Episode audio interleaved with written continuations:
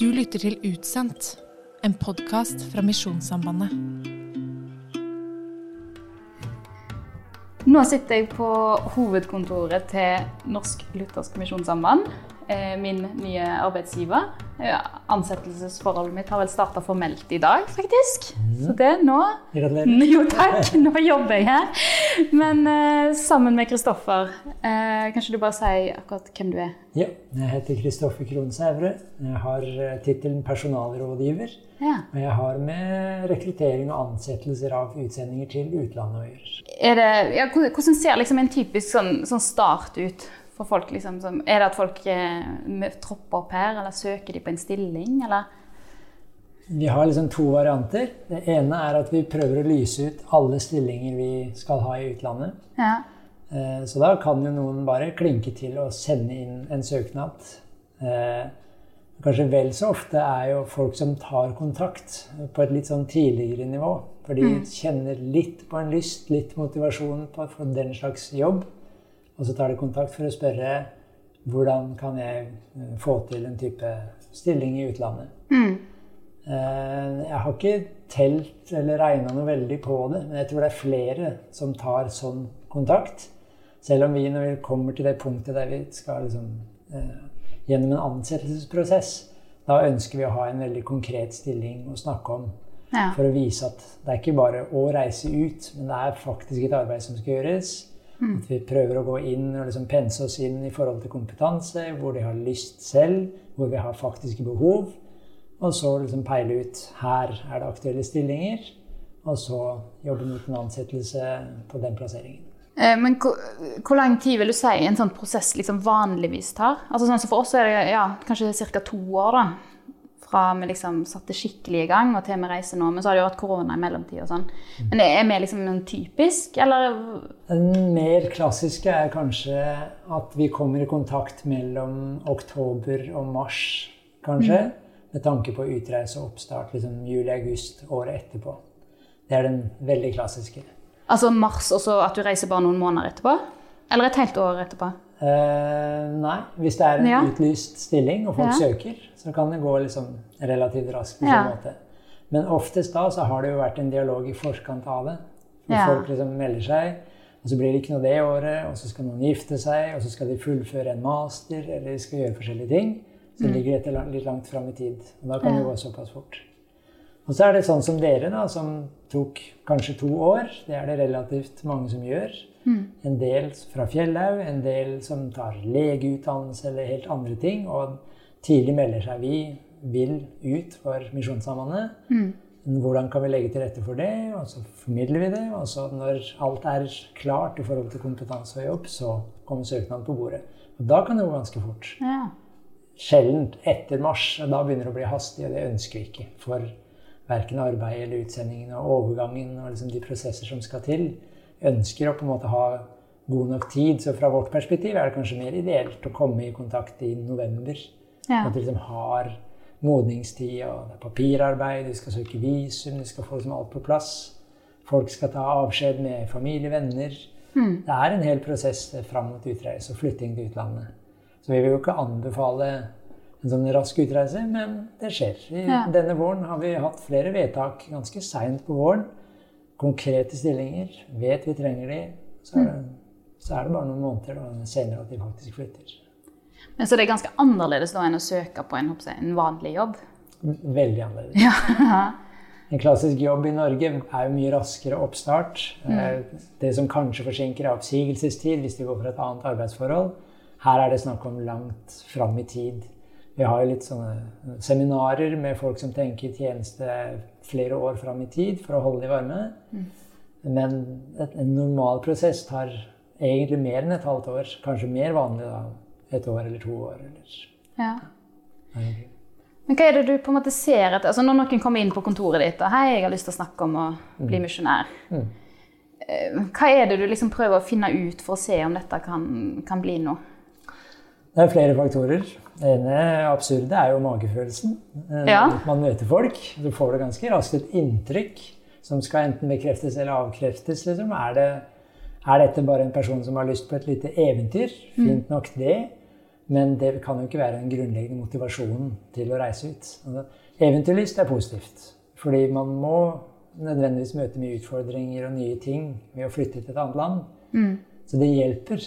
Men det kan ikke være en motivasjon for å flytte eller reise. Da sier vi ta deg et besøk, og så Ja, ja. Ta deg en ferietur, men Så kan du ja. komme når du eventuelt er klar for å tenke tjeneste med livet ditt. ja. Så begynner vi raskt å liksom se etter spor av tjenestetenkningen. Fordi min kallsforståelse er vi er kalt av Jesus til å vitne der vi er. Og det er samme om du er i Norge eller Indonesia eller hvor du måtte være. Men hvis noen på en måte ikke har noe spor av aktivitet i forsamlinger eller med naboer eller frivillig arbeid eller noe som helst, og tenker at når de setter seg på flyet, da skal tjenesten begynne, så blir jeg veldig skeptisk. Yeah. Som oftest så ser vi noen tydelige spor at dette er mennesker som ønsker å bruke livet sitt i tjeneste. Men Det betyr ikke at de skal være ansatt i Misjonssambandet, men i den jobben de har, at de tenker litt større om sitt liv og det å følge Jesus. Det gjør de i Norge, og det har de lyst til å også gjøre i utlandet. Da får vi en del sånne bekreftelser liksom, i den dialogen. da. Mm. Og så når vi begynner med ansettelsesintervjuer, så fisker vi jo en del etter liksom personligheter, fleksibilitet, eh, om- om det er sånn spor av konfliktskapende holdninger og den slags. Fordi flytte til en ny kultur, tett fellesskap, dette vil skurre mellom mennesker. Så vi ser etter at folk har på en måte ballasten og verktøyene som skal til for å kunne håndtere de utfordringene som kommer. Vi tenker ikke at det ikke kommer utfordringer. Vi vet at de kommer. Så vi må være trygge på at folk har forutsetninger for å takle de utfordringene som kommer. ja. Så fleksibilitet er jo et nøkkelord. De fleste vil i et intervju si 'jeg er fleksibel', Ja, men hva betyr det? Ja, sant. Vi prøver jo å gå litt mer inn på klingen. altså Hva betyr det for deg? Ja. Jeg vet jo med meg selv, på noen ting kan jeg være veldig fleksibel. Andre ting blir jeg sær. Eller der ønsker jeg Jeg blir urolig hvis dette skjærer seg, på en måte. ja. Gjerne i min egen familie, men det, jeg flytter jo med en egen familie hvis jeg reiser ut. Så Mm. det er greit å få det på bordet. Og da ikke for å avsløre, men rett og slett bare for å høre at folk vet om sine blindsoner også. Dette er min svake side. Jeg jobber med sånn og sånn. Jeg har håndtert det før. Fint. Hvis de derimot prøver å skjule noe, og vi hører fra referanser eller andre at liksom, her er det ting som de ikke har tatt opp i det hele tatt, så blir det en ny sånn varsellampe der vi kjenner på mm, Her må vi gå noen runder ekstra. Mm.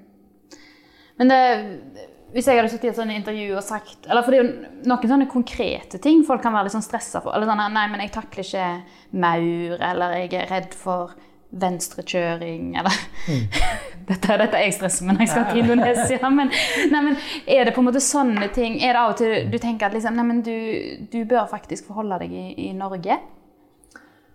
Det hender jo at vi møter sånne personer, ja. Men da skal det jo være på et litt sånn eh, graverende nivå. Alle har jo ting man ikke er glad i eller er redd for. Eh, Jeg er ikke noe glad i krypdyr sjøl, og jeg har flytta til Øst-Afrika. Det har gått helt fint. Ja. Så igjen så handler det om å på en måte kunne takle de tingene man er redd for eller urolig for. Det er jo det er ingen mennesker som ikke har noen svake sider. Nei, Vi sender jo ut hele mennesker med styrker og svakheter, og det er helt greit. Vi leter jo ikke etter perfekte mennesker, vi leter etter folk som er ærlige. Ikke minst fordi vi ønsker jo at folk skal vitne om Guds nåde. Og hvis man skal vitne om nåde, så må man jo også kunne erkjenne at man er en synder, en som gjør feil, en som ikke får til alt, og likevel har frelse pga. Jesus, ikke pga. at jeg er flink gutt, eller hva man skal kalle det. Så da ser dere kanskje mer etter en sånn helhet, da, og en, en person, mer enn CV og kompetanse og sånn? Ja, CV og kompetanse er relevant fordi vi har konkrete jobber som vi må fylle. Men i intervju og en ansettelsesprosess så ønsker vi å bli kjent med et helt menneske. Og da trekker det bare opp at folk evner å se sine svake sider, og hvordan de forholder seg til det. Og hvordan de kan bruke det også inn i tjenesten.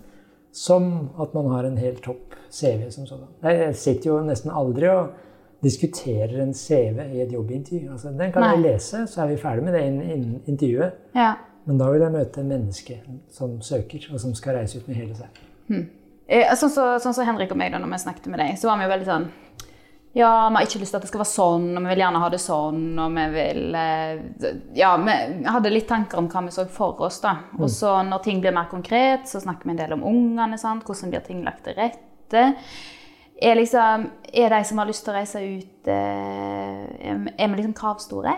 Ehm, Jeg tenker eh, man skal jo ha en bevissthet til hva man utsetter seg selv og sin familie for. Så det at folk tar det opp og har tenkt konkret gjennom en del aspekter, det syns jeg er positivt. Så hender det jo at jeg blir litt urolig hvis noen er ekstremt detaljorientert og liksom sier jeg skal ha det sånn, jeg kan ikke ha det sånn. Altså Hvis du begynner med de harde kravene før det i det hele tatt har begynt å nærme seg en faktisk ansettelse eller utreise, så tenker jeg da vil man fort gå på en smell. fordi det er ikke alt vi kan innfri som organisasjon, som arbeidsgiver. I en ny kultur, landet og folk og hus og biler og alt er annerledes. Da må man rett og slett kunne flyte litt med, ha en grad av fleksibilitet. Mm. Det er vi nødt til å se hos mennesker.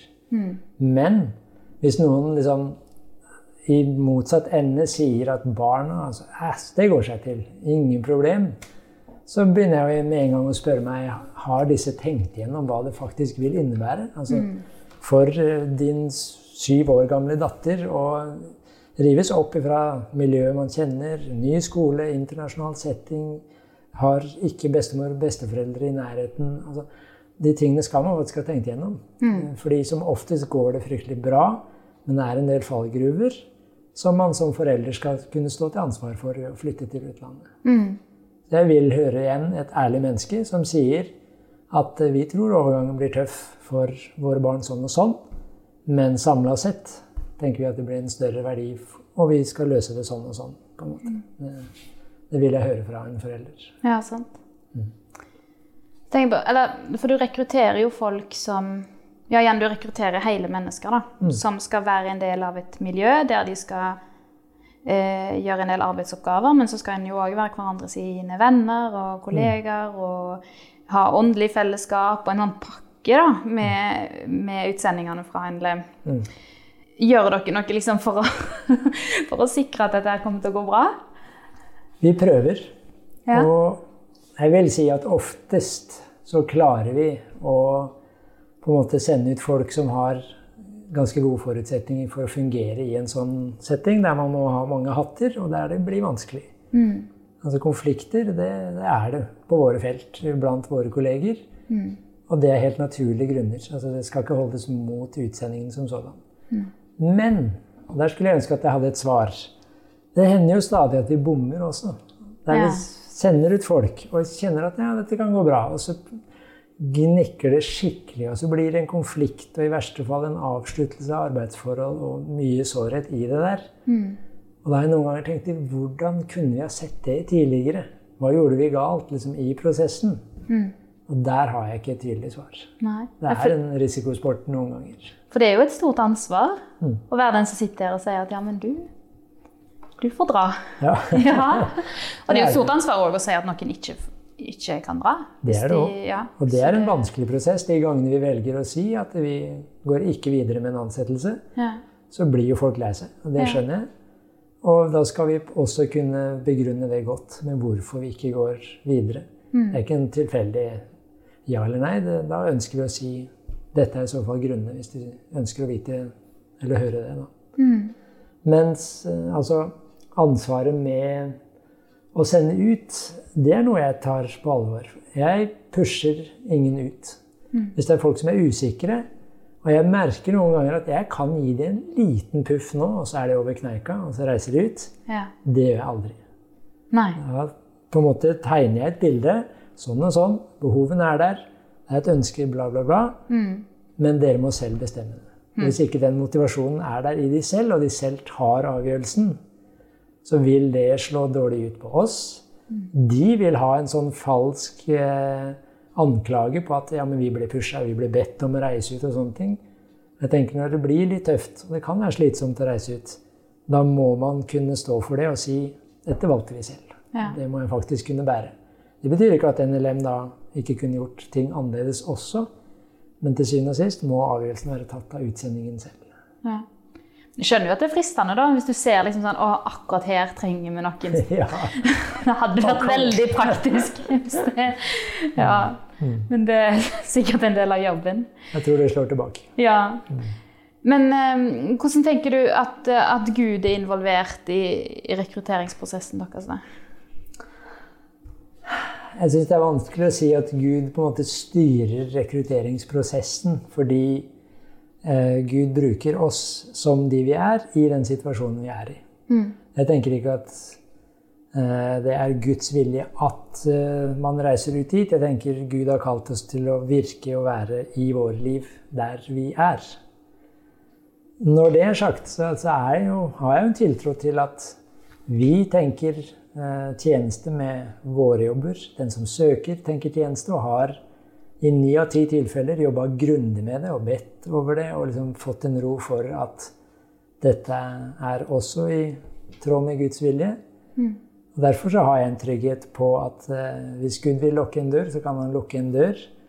Men jeg tror at vi på en måte har vedtatte strategier og jobber på en måte som, som er med på, på misjonsoppdraget. Og når folk da melder seg til tjeneste og har gått gjennom de rundene da, så tenker det er det også i tråd med Guds vilje, så lenge vi på en måte gjør dette på en ryddig og god måte.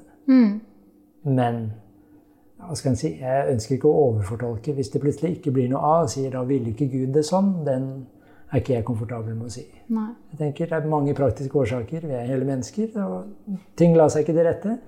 Og da tenker jeg fortsatt Gud kan bruke det mennesket i jobben eller studiet eller hvor det er i Norge. Men Er det ofte folk kommer og sier de liksom har fått et eh, sånn stort, tydelig kall fra Gud, eller noe? Det hender. Eh, Ikke Ja. så veldig ofte. Noen er veldig spesifikke. Og da kan jeg bli litt spørrende. Eh, Fordi kall skal på en måte være et indre kall og et ytre kall. Det generelle kallet til alle mennesker, det har Jesus gitt oss alle. Så det har vi. Men hvis da et menneske kommer og sier 'jeg kjenner på et kall til det stedet' Jeg har til og med vært borti mennesker som sier 'det huset', og akkurat sånn kjenner jeg på et kall til. Ja. Og så lurer jeg da på hvorfor altså Man kan ikke kjenne et sånt kall ut ifra Bibelen. Hvorfor har ikke vi som organisasjon eller den lokale ledelsen eller kirken altså, Hvorfor er det bare dette mennesket som kjenner akkurat så konkret på det kallet? Mm. Da blir jeg spørrende, og da ønsker jeg å utfordre det i relativt stor grad. Jeg avviser ikke kontant, men jeg tenker hmm, hva måler du dette kallet opp imot? Sant. Du, vi skal runde av, for du eh, har et kurs å planlegge. Du kan få fortelle om det før vi gir oss. da. Hva skjer neste uke? Neste uke skal vi ha et relativt stor kurs. Da skal vi ha Det er eh, mellom 40 og 50 utsendinger som er på vei til å flytte ut. Pluss noen enda flere som har reist ut det siste året. Ja. Som hvis nå skulle hatt et ordinært sånn fem ukers langt utreisekurs. Så koronaen ødelagt det på ene og andre måten. Så nå må vi dessverre da gjøre en digital innføringsuke. Og så skal vi ha fagdager utover hele høsten. ja. Så Samla sett så får utsendingene like mye undervisning og opplæring som sådan. Men vi får dessverre ikke mm, vært samla og blitt kjent med hverandre og fått det fysiske, sosiale fellesskapet. Det syns jeg er leit. ja, det er kjedelig. Men undervisningen blir spennende. Så Ja. vi kommer til å sitte digitalt med mennesker, ikke bare i Norge, men i ganske mange land nå, som skal følge det opplegget mandag til fredag hele neste uke. Og snakke om ting som jeg syns er kjempespennende. I forhold til kall og oppgaver og misiologi og diakoni og ordninger og alt praktisk som skal til i en ansettelse. Det er spennende. Hva håper du aller mest at vi som sitter på andre sida av det kurset, får med oss denne uka? Oh, det var et stort spørsmål. Jeg håper de merker at NLM er en relativt seriøs misjonsorganisasjon som ønsker å legge til rette sånn at mennesker kan få leve ut sitt kall. Men til syvende og sist så er det en tjeneste for Gud. Så den balansen der mellom på en måte ta ansvar for sitt eget liv og hvile i at man også får tøffe dager, og det er ikke en motsetning mot å ha tøffe dager og leve ut et riktig og oppriktig kall eh, for Gud. Og det å våge å konfrontere arbeidsgiver når man syns at ting ikke er godt nok. Og at ting kunne vært bedre. Det, den spenningen der, den skal på en måte være levende. Det tror jeg han er i NLM. Mm. Så kommer vi da til å løfte opp begge deler. Både i forkynnelse og ordninger. Og skape litt refleksjon i det spenningsfeltet der. Mm. Det blir spennende. Håper det. Ja.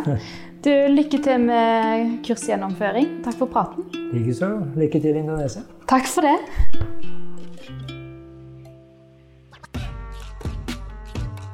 Episoden du nå har hørt, er laget av Ingebjørg og Henrik Nandrup. Produsent for podkasten er Leif Thomas Gjerde.